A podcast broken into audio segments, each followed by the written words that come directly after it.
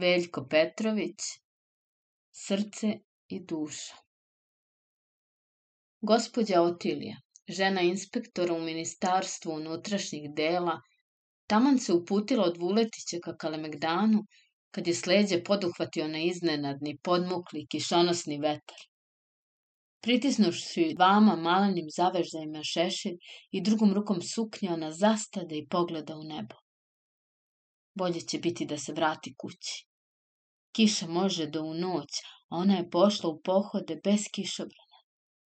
Ona je laka srca odlagala te šablonske posete jer je bila predratna, kućevna žena, kako je sama sebe nazivala, tobože pocenjujući sebe, a u stvari hvaleći se. Ona je bila banaćanka, kao što se to može zaključiti već iz imena njenog, iz dobre i stare građanske kuće, iz jake belocrkvanske porodice Majšanskih, toliko jake da je gospođa Otilija, žena jednog našeg čuvenog policajca i stručnjaka za južne krajeve i posle desetogodišnjeg braka, ostala više Otilija Majšanska nego gospođa Životićka. Na nju su malo uticali i Beograd i četiri godine provedene u Nici i Parizu. Ona je sad više ličila po svemu na svoje tetke u Beloj crkvi, no na ikoju svoju svastiku ili poznanicu u prestonici i po držanju, i po onom naročitom ljubaznom ponašanju, i po ukusu, i načinu kako je najmoderniju toaletu nosila i kako je svoj stan udesila, ona je bila jedna fina, bečka dama. Na njoj nikad smelijih oprečnih boja, nikad neke suvišne individualne linije, bez naglijih pokreta, uzdržana smeha i čuđenja, samo štedljivo napudrana, ona je prolazila Beogradom vazda nešto odsutna. Iako već žena preko 30 godina srednjeg rasta i već dosta puna, ona je u smeđim očima i u izrazu usana zadržala onaj polusan pasionatskih pitomica. Bilo bi pretarano reći da je ona odavala tužnu i pomalo otužnu sliku nežne žrtve zalutale u naš suroviji život, ali je bilo u njoj nečega od onih žena koje sebe mnogo vole i cene i zato se pomalo i žale što su se našle među nama. Nije dakle čudo što je ona, još uvek govoreći kod nas, kod kuće, mislila na Majšanski i na Belu crku. Žureći u svoj stan niže pozorište i boreći se s vetrom, gospođa Otilija se još predomišljala. Da li da ostane kod kuće i da se poslužavci izvini ili da uzme kišobrane i da ipak izvrši dužnost. Ah, te dužnosti. Ali ona će i najprijatnije od njih da savestno ispuni, samo da se ljudi ne bi uvredili. A želela je večeras i u pozorište da ide. Davala se Simona, Brijeova drama. Jer ona je čitala samo tužne romane, išla je redovno na svaku dramu, zbog čega je imala obično žestoke prepirke s mužem, koji je voleo lakrdije i baletsko šarenilo. Dosta mi je, brate, tragedije i drama u životu. Kud pogledaš, sve same drame. Ali njoj je tako godilo da se u pozorišnom sumraku od srca isplače. Ja volim kad me stvari ganu. I hlas mi ih gern riren, govorila je ona običnom mužu. No on bi je koji put, izgubiši strpljenje, upućivao u bolnice, što bi nju samo ispunjavalo užasom i prezrenjem prema muškoj brutalnosti tek što stade pred ulaz, čekajući jedan trenutak da odahne, a nju obuze pravi strah. Da li se to njoj pričinjava samo? Šta je to? Iznutra je dopirala svirka na klaviru. Ona se osvrte, pa nasloni uho na vrata. Nema sumnje, ona se ne vara, to je njen klavir, još uvek lepi prigušeni ton njenoga Bechsteina, I to nije neko dečije ždroncanje, već jedan nepoznat, ali dobar anšlag. To nije verin udarac, uopšte. Ne može niko da bude od kuće. Nema voza. Od njegovih ne ume niko tako da svira. Čekaj, čekaj samo. Naravno, Anitrin ples od Griga. Kakva to može biti vizita koja je tražila ključ od klavira i koja je Natalija smela da ga da? Još uvek sumnjajući u sebe, gospođa Otilija pritište dlanom čelo iza koga su vrile najraznovrsnije pretpostavke i najfantastičnije slike. Ili bilo ikada razbojnika koji svirkom čekaju žrtvu ili koji razbojništvo svoje propraćaju grigovim zvucima. Ni kroz onaj okrugli otvor od medi, ni kroz ključaonicu nije se moglo ništa da vidi, ali vrata od salona s klavirom mora da su očkrinuta, a to su prva vrata, odmah do ulaza, pa se jasno čuje kao da se s mostića gleda u nestašni i čudljivi slab Grigova potoka, koji je prštao, klokotao i vitlao bele i zelene kolute u vodopadnom buku svoje muzike. Gospođa Otilija, savladana najzad radoznalošću, upre prstom u zvono.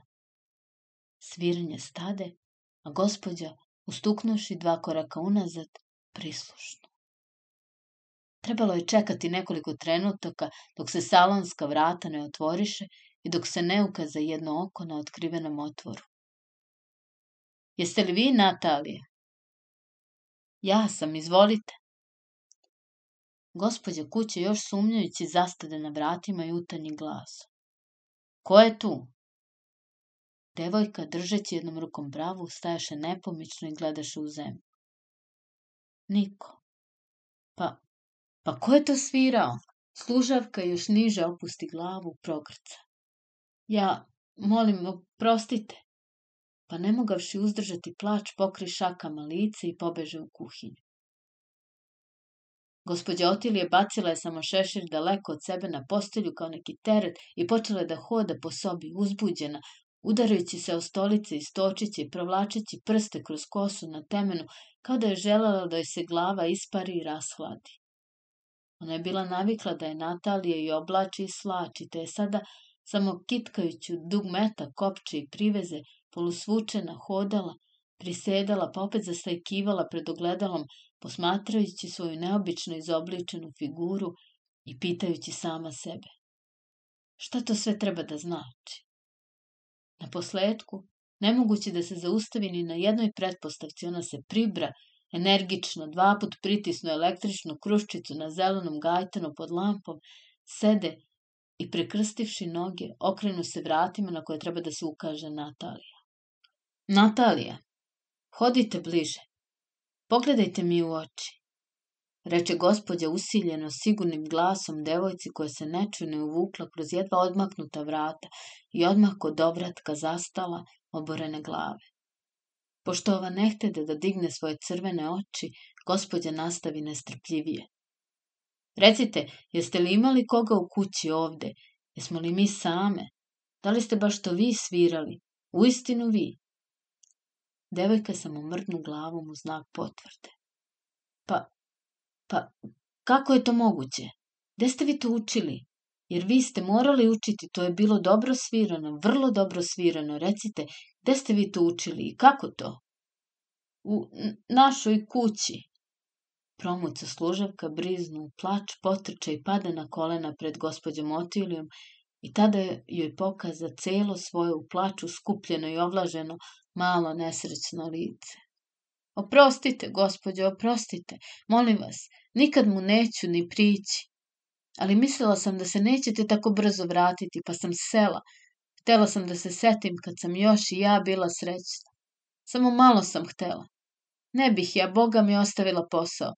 Sve bi vi našli u redu da ste se vratili kao što ste rekli na polasku. Dobro, dobro, ali otkuda vi da tako svirate? Hajde, ustanite. Vi ste tako dobri, neću vas lagati. Samo molim vas kao Boga, nemojte nikome govoriti da se ne bi moji sramotili. Nemojte ako samo možete reći ni gospodinu. Stid bi me bilo od njega. Ja sam, znate, možda se čuli već za to, I ja sam, znate, prečanka. Moj otac je bio trgovac i ekonom u Bečeju. Bio je dugo vremena i predsednik u opštini. Kad se meni dogodila nesreća da me ostavio verenik. Onako. Pa kad već nisam mogla skrivati, on me isterao iz kuće, a njega je udarila kaplja. Još je živ, ali neće da mi oprosti. Ni mati, ni sestre ne smeju da me pomenu. Učila sam samo građansku školu, pa sam onda vodila kuću. Istina, Pisala sam nešto i na mašini kod tate, ali s takvom službom ne bih mogla zaraditi i za dete, a morala bih izaći na videlo. Ova je služba najbolja za mene. Skrivena sam, ne moram trošiti ništa na sebe i sve što zaradim i što mi sestra doturi mogu da pošaljem za dete. Na šnajderaj sam mislila, ali trebalo bi još učiti, a sve što mi je mama dala na odlasku morala sam dati za dete. Ovo je ipak najbolje za mene. A kad se, ako Bog da, sestra uda, ona će mi pomoći da počnem neku radnju, dok on ne stigne u školu. Gospodja Otilija sedela je nepomično. Ona je bila zaprepašćena. Slušala je i gledala Nataliju kao da je do sad nikad nije ni čula, ni videla. Ova je stajala pred njom, pregorevši prve mučne časove stida i zabune, s osušenim suzama i zabrinutim očima, i govorila je reči, gotove i sređene odavno u glavi, u kojoj su se njeni planovi već iskristalisali u dugim i dugim neprospavanim noćima. Ona je bila mala, sitna, s velikim malokosim crnim očima, u uskom, finom i tamnom licu, sva graciozna, laka i izdržljiva. Gospođa Otilija se čudila kako to da joj nikada prije nije palo na um da je bolje zagleda jer da je samo mislenije obratila pažnju na njenu negovanu crnu kosu, uopšte na njenu spoljašnjost i dvadesetogodišnju mladost i na njen povučeni, za služavku neobično diskretan život, ona bi morala doći do čudnog zaključka. Gospođa Otilija ju je posmatrala, bila je uzbuđena, čudila se sebi i svoje nepronikljivosti, ali nije se čudila tome što je u ovom trenutku ona zbunjenija od Natalije. Uopšte nije joj palo na um što ona, toliko osetljiva i ganutljiva, nije tronuta sudbinom ove žene, dok bi, pročitavši samo običan report u novinama o takvom slučaju, po svoj prilici zamišljeno uzdisala i korila društveno uređenje. Natalija se poplaši odmah od gospodinog smućenog ćutanja. Gospodje, Bog mi je svedok, ja nisam nevaljala, vi ste me videli za ovo pet meseci. Jel te da vi ne možete imati ništa protiv mog ponašanja? A od sad će vam biti još odanije, kad već znate. Gospodja se trže. Ne, ne, on nikako Natali. Ne znam sad već ni kako da vas nazovem. Ali vidite, ja uviđam vašu nesreću, ja nisam od onih žena koje su bez uviđanja i bez srca, ali šta je s njim, s tim ocem vašeg deteta? Kako da vas je on tako napustio, što ga ne tražite da se bar deteta primi? O, gospođo, neću ni da mislim na njega. On je mene prevario. Bio je oženjen tamo negde dole. Al manite, neću da on ni čuje za mene. Šta bi on mogao meni pomoći? A i on ima dece, čula sam. Nisu mi ona kriva. Pustite ga. Neću na njega ni da mislim. Znam, znam, a dete, gde je on? U Zemunu je kod jedne žene, plaćam za njega 300 dinara mesečno. Dobro mu je, mesečno bar jednom odem da ga vidim. Divno je dete. Gospodja Otilija napući usne. Kako možete, ženo? Kako vam je to srce da tako živite? Ja da imam dete, ja bih svisnula pre što bi se odvojila od njega. Šta da radim, gospođo, sada? Niko neće da primi devojku s detetom. O, kad bi vi pristali, Bože, služila bih vas kao gospoda Boga. Ah, Bože moj, kakav maler. I sve mora meni da se desi. Znate, Natalija, meni je vrlo teško, vi sami morate uvideti. Ne mogu da sredim misli. Idite sad i pričekajte do gospodin dođe. Ne, ne, moram. Ja nemam srca ni duše da bez njega presudim. Inspektor Životić u početku nije ni shvatio šta mu to žena tako uzrujano priča. Te kasnije, kao isplivavši iz svojih misli, on vide o čemu je reč.